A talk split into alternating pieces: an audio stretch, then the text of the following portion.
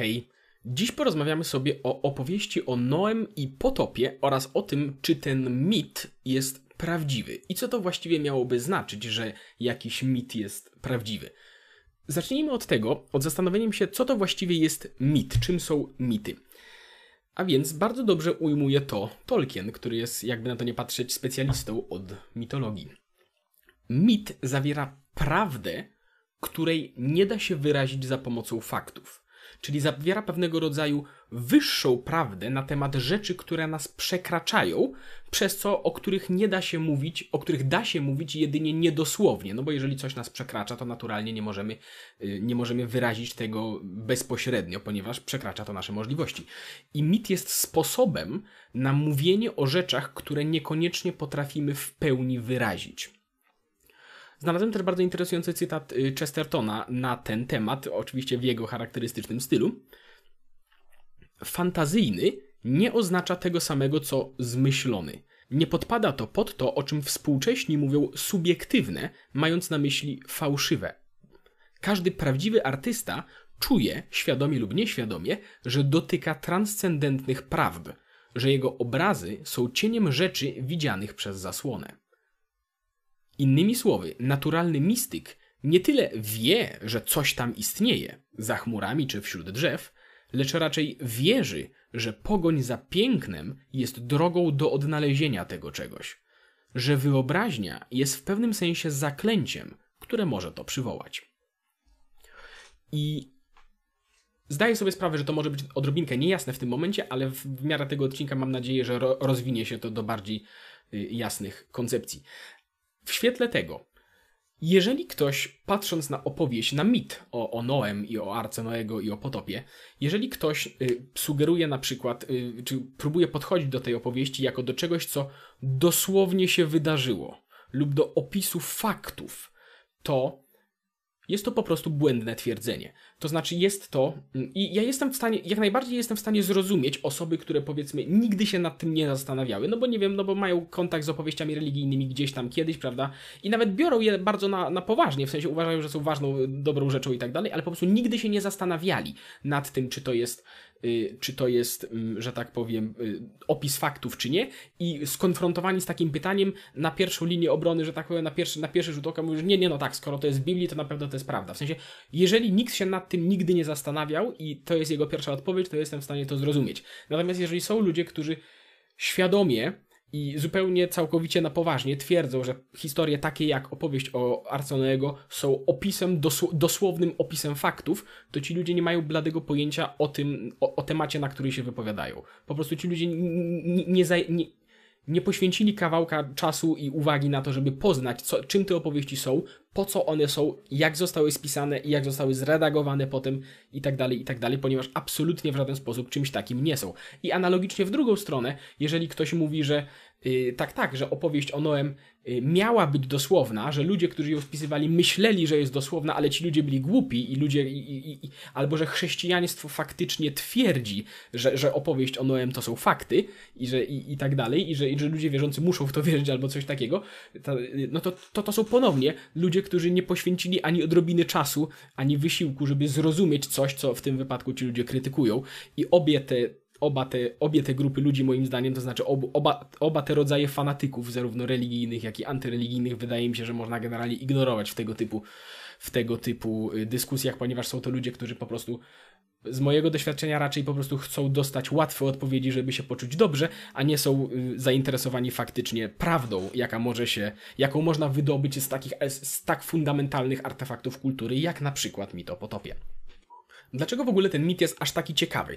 Warto zwrócić uwagę tutaj na fakt, że mit o potopie w różnych wersjach występuje praktycznie na całym świecie. W różnych kulturach, na, nawet na Wikipedii, o ile dobrze pamiętam, jest lista mitów o potopie z, ze wszystkich różnych kultur świata i tak dalej. I jest to niezwykle ciekawe, ponieważ pomimo iż one oczywiście różnią się czasem w szczegółach, to mają ogromną ilość elementów wspólnych, czasem do takich szczegółów nieprawdopodobnych. I po pierwsze, oczywiście jest to, jest to zagłada poprzez zalanie wodą, prawda, co jest oczywiście też bardzo symboliczne, ponieważ woda, y, toń morska, otchłań i tak dalej zawsze, zazwyczaj przynajmniej jest symboli, symbolizuje chaos, symbolizuje brak porządku, utratę struktur, coś, co, że zalewa nas coś, czego nie możemy kontrolować. Więc jest jest mo motyw zalania wodą, jest motyw rodziny, która przetrwała w jakiejś łodzi, czy w statku, czy w czymś tam. Czasem mają oni ze sobą również zwierzęta i tak dalej. Natomiast y, też powtarzają się takie drobne szczególiki, jak na przykład to, że z, z, tego okrętu, z tej arki są wysyłane ptaki, żeby sprawdzić, żeby, żeby odnaleźć po, na ponownie ląd. I to jest bardzo, to jest bardzo ciekawe.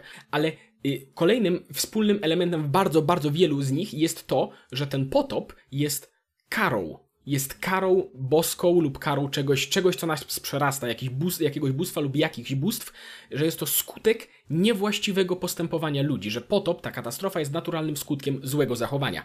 I oczywiście i oczywiście należy sobie zadać pytanie, dlaczego ten mit jest wszędzie obecny, ponieważ no, istnieje masa spekulacji na ten temat. Można sugerować, że na przykład, nie wiem, że, że być może rzeczywiście bierze się to z jakiegoś powodu, z, z tego, że no, słyszałem takie głosy, że na przykład faktycznie kilka tysięcy lat temu, podczas końca, e, gdy kończyła się epoka lodowcowa, na całym świecie była wielka seria powodzi w różnych miejscach, związana z tym, że ludzie zawsze, y, zawsze y, tam zazwyczaj przemieszkiwali doliny rzek, prawda, a gdy topniały lodowce z kontynentów, to poziom wody gwałtownie się podnosił. Ale czy to, czy, ale czy to jest faktycznie to, czy to jest tylko powiedzmy warstwa symboliczna, która jest tak uniwersalna dla całej ludzkości, że, że w wielu różnych miejscach powstała ona y, niezależnie? I to, i czy to, w sensie, czy to jest to, czy, czy, to ma jakiekolwiek zmapowanie na, jak, na jakieś fakty historyczne, to przed, po pierwsze nie wiem, po drugie myślę, że to jest mało istotne w tym, w omawianiu, w omawianiu tego, w omawianiu mitologicznej z tego y, struktury tej, tej opowieści. Natomiast co jest ważne, jest to, że ten mit jest uniwersalny. Znaczy, po pierwsze, powstał w praktycznie w bardzo, bardzo wielu różnych kulturach na świecie i przetrwał, ponieważ no my wiemy, my, my, do dziś o nim wiemy, dlatego, że na przykład mm, Eskimosi, prawda, czyli niektórzy Indianie, czy gdzieś tam jeszcze ktoś inny, do dziś, znaczy no nie do dziś może, ale opowiadali sobie ten mit do momentu, gdy nasza cywilizacja się z, nimi, z nim zetknęła. To znaczy, z nimi zetknęła, to znaczy ten mit po prostu przetrwał, czyli jest jest po prostu, jest na tyle, jest na tyle uniwersalny, że uznano go zawartego, zawartego zachowania. Natomiast, o czym ten mit tak właściwie jest? Patrząc już nawet stricte na opowieść o Noem, naszą, o naszą opowieść o Noem. Ten mit jest przede wszystkim o boskiej karze za grzechy oraz o ludziach, którzy wiedząc, że ta kara, ten kataklizm nadchodzi, mogli się na nią przygotować i przetrwać tę, tę karę. I warto tutaj zwrócić uwagę, że mm, w tej opowieści, mm, że ludzie, którzy przekazywali sobie tę opowieść ustnie, a potem ją spisywali i tak dalej, mieli inną perspektywę na Boga niż ta, która pojawiła się później w chrześcijaństwie. Oczywiście ta chrześcijańska perspektywa jest kontynuacją tej starszej perspektywy niejako, natomiast nie jest ona tym samym. Mam tutaj na myśli to, że w starożytności, starożytni Hebrajczycy i wiele różnych innych plemion, y, tak samo poruszaliśmy ten temat też w niektórych y, poprzednich filmach, mieli perspektywę na Boga jako na, na Boga, na bogów ogólnie rzecz ujmując, jako na reprezentację czegoś, czego nie rozumieją w przyrodzie. To znaczy na uosobienie nieznanych, niezrozumiałych sił rządzących światem. I w momencie, kiedy mówi się o karze, kiedy ci ludzie mówią o karze boskiej, jest to raczej stwierdzenie, że jest to po prostu skutek nieznanych sił działających w przyrodzie. To nie znaczy, że to, w sensie ci ludzie niekoniecznie mieli na myśli, że istnieje fizycznie jakiś, nie wiem, dziadziu tam w chmurach, który tam zastanawia się nad kim się znęcać, czy coś takiego i że on, y, w sensie, że, że, że, że, że działania tych ludzi nie, nie miałyby żadnego skutku, ale, ale ten Bóg y, aktywnie postanowił ich za to ukarać tak czy siak. Tylko to jest raczej, ta perspektywa na karę boską suger, opisuje ją jako naturalny skutek określonych działań. I mm, ta perspektywa na przykład kłóci się z, ta perspektywa rozumiana dosłownie, kłóci się z perspektywą na przykład stricte chrześcijańską, którą możemy odnaleźć w, nawet w Ewangelii, prawda? Możemy sobie tutaj przytoczyć y, cytat Jezusa mówiącego o ludziach zamordowanych przez Rzymian w Galilei. Czy myślicie, że ci Galilejczycy byli większymi grzesznikami niż inni mieszkańcy Galilei, że to ucierpieli? Albo myślicie, że owych osiemnastu, na których zawaliła się wieża w Siloam i zabiła ich, było większymi winowajcami niż inni mieszkańcy Jerozolimy? Bynajmniej, lecz jeśli się nie nawrócicie, wszyscy tak samo zginiecie. I Jezus tutaj wprost pokazuje, że to, że kogoś dotyczy, to, że kogoś dotyka jakaś katastrofa, nawet katastrofa względnie losowa, taka jak zawalenie się czy jakiejś wieży, niekoniecznie jest bezpośrednią winą tych osób, w sensie w, w oczywisty sposób znaczy, dla nas dziś oczywisty, natomiast być może dla niektórych ludzi wtedy nie było to oczywiste, że oczywiście, że niewinni ludzie też cierpią katastrofy i to nie jest to nic zaskakującego. Natomiast tak jak mówiłem, y, perspektywa na Boga y, przejawiana przez ludzi, którzy spisywali tamte opowieści jest trochę inna. I oni, mówiąc o boskiej karze, mieli na myśli raczej skutek niedopełnienia powinności wobec zasady rządzącej światem. I nadal można powiedzieć, również dziś można użyć takiego stwierdzenia, sformułowania kara boska w sposób metaforyczny, właśnie na opis, ale nie na opis y, świadomego działania osoby, w sensie nie jako opis tego, że na przykład, że Bóg gdzieś tam faktycznie, nie wiem, niewidzialny koleś w chmurach istnieje i tam robi komuś aktywnie krzywdę, tylko właśnie jako opis jako opis zjawiska, podsumowując, tak po prostu działa świat, że to, jest, że to jest naturalny skutek jakiegoś działania. I dobry przykład tego, nawet w kontekście potopu, dawał Jordan Peterson w którymś, swoich, w którymś swoich, ze swoich wykładów odnośnie również potopu, również powodzi w, w Nowym Orleanie. Mianowicie, jak kilka lat temu w Nowym Orleanie podczas huraganu była jakaś masakryczna powódź, w której masa ludzi zginęła. I mm, w tym kontekście Peterson zwraca uwagę na to, że w Nowym Orleanie podobno od 70 lat nie były remontowane tamy. I ludzie wiedzieli, wszyscy wiedzieli, że tamy są w złym stanie, ale nikt od lat ich nie remontował, a fundusz, fundusze publiczne, które były, które mogły być spożytkowane na to, były rozdawane ludziom albo na jakieś łapówki przeznaczane albo cokolwiek jeszcze innego, były marnotrawione zamiast zająć się faktycznym problemem. No i w momencie, kiedy ten huragan ogromny yy, ostatecznie przyszedł, to te tamy puściły i masa ludzi zginęła. I należy sobie zadać pytanie, yy, kto spowodował ten kataklizm? Kto jest winny tej powodzi? Znaczy, huragan? Czy może właśnie ludzie, którzy nie dopełnili obowiązku wobec zjawiska, które nas przekracza? W sensie spokojnie można nazwać y, to w sposób metaforyczny oczywiście karą za niewłaściwe postępowanie wymierzoną w ludzi niejako właśnie przez zjawisko, które nas y, przekracza. Natomiast y, w samej opowieści o potopie jest też bardzo interesująca i wartościowa informacja na temat tego, że taki kataklizm można przetrwać. A mianowicie Noe, który dostał informację, że nadchodzi kataklizm, y, widział, że ludzie, że ludzie odwrócili się od Boga, by, że źle się zachowywali, nie dopełniali swoich obowiązków moralnych i wiedział, że nadchodzi kataklizm. No i co zrobił w obliczu tego? Znaczy, nie łaził od domu do domu i mówił ludzie ogarnijcie się, bo jak się nie ogarniecie, to zrobicie sobie krzywdę, tylko zbudował arkę dla siebie i swojej rodziny.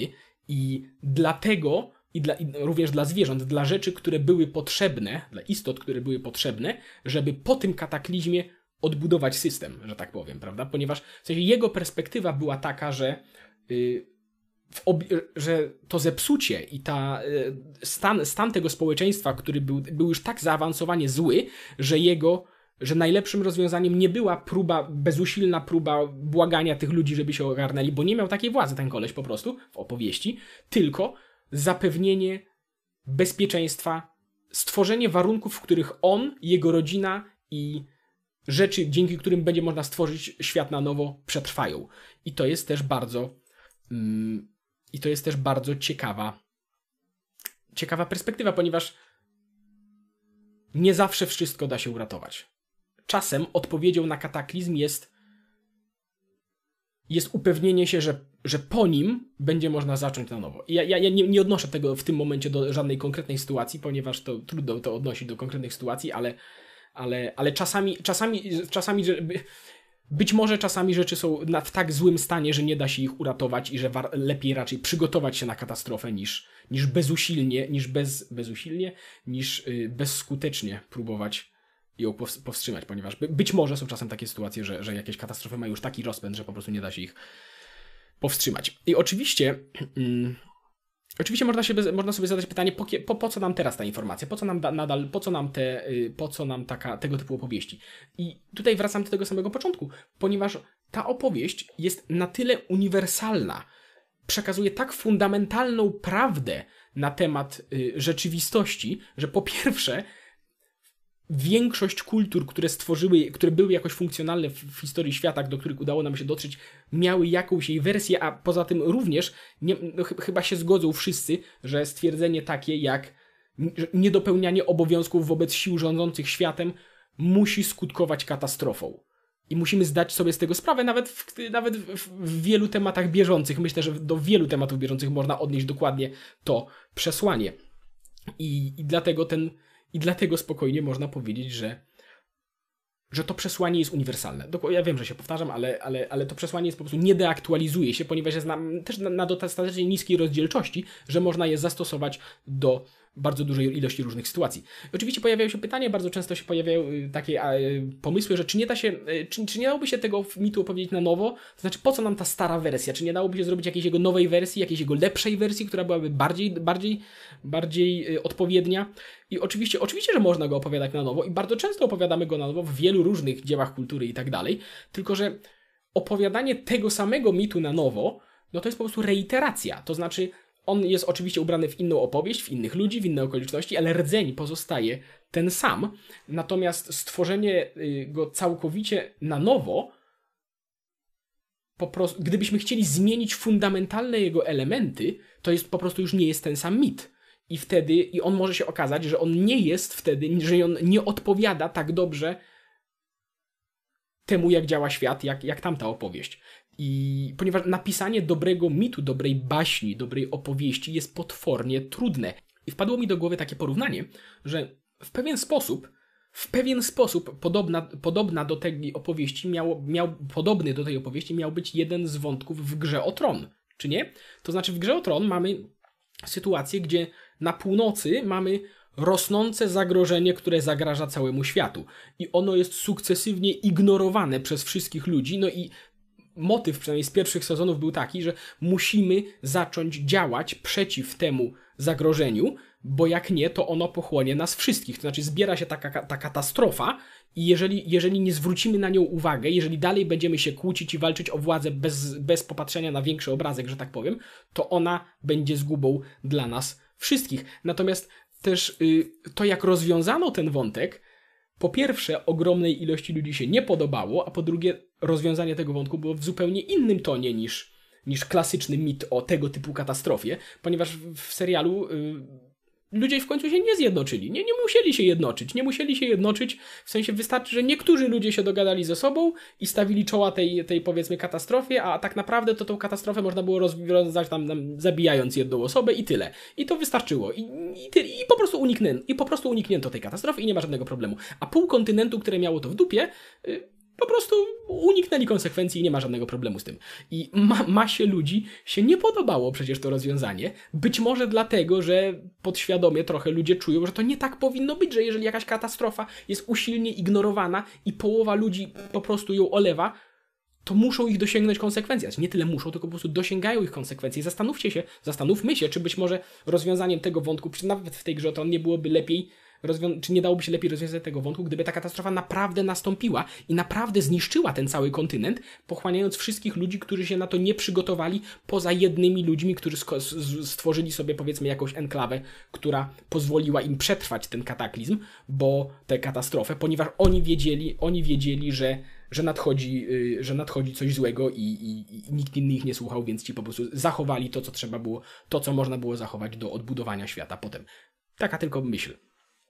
Natomiast to, to też po, po, po prostu pokazuje, że nie jest łatwo napisać mit i, i, i tyle. I koń, kończąc to wszystko, można się w takim razie zastanowić, wracając do samego początku, co to właściwie znaczy, że mit jest prawdziwy. I, I tak jak mówiliśmy, mówiąc o micie, że jest prawdziwy, nie mamy na myśli, że wydarzył się w dosłowny, faktyczny sposób, ponieważ w oczywisty sposób mity nie są opisem faktów. Natomiast mówiąc, że mit jest prawdziwy, mamy na myśli, że przekazuje on fundamentalne informacje o tym, jak działa świat. Informacje o rzeczach, których być może nie pod, które być może trudno jest wyrazić w sposób inny niż narracyjny. To znaczy, że ciężko je opisać za pomocą instrukcji, że właśnie łatwiej jest, nawet nie tyle łatwiej, tylko bardziej y, skuteczniej jest z, związać je w strukturę narracyjną, która da się, która będzie przekazywać wartościowe postawy i, i, motywy w sposób prosty i zrozumiały dla wszystkich, ponieważ ludzie przyswajają właśnie postawy nie z instrukcji, tylko z opowieści. I to się tyczy wszystkich. To nie jest tak, że nie wiem, głupi ludzie potrzebują opowieści, ale my mądrzy nie potrzebujemy coś takiego. Nie, nie. Wszyscy potrzebujemy opowieści, ponieważ to z nich świadomie lub nieświadomie wyciągamy właściwe postawy i zachowania. I to wszystko jak zawsze, mm, jeżeli ktoś, to jest oczywiście moja perspektywa na to, jeżeli ktoś się z tym nie zgadza, to zapraszam do komentowania, zapraszam do udzielania się. Jeżeli komuś się tego typu content podoba, to zapraszam do subskrypcji, a jeżeli ktoś chciałby zobaczyć tego kontentu więcej, to zapraszam też do wsparcia tego projektu na Patronajcie. I to wszystko. Do usłyszenia. Hej.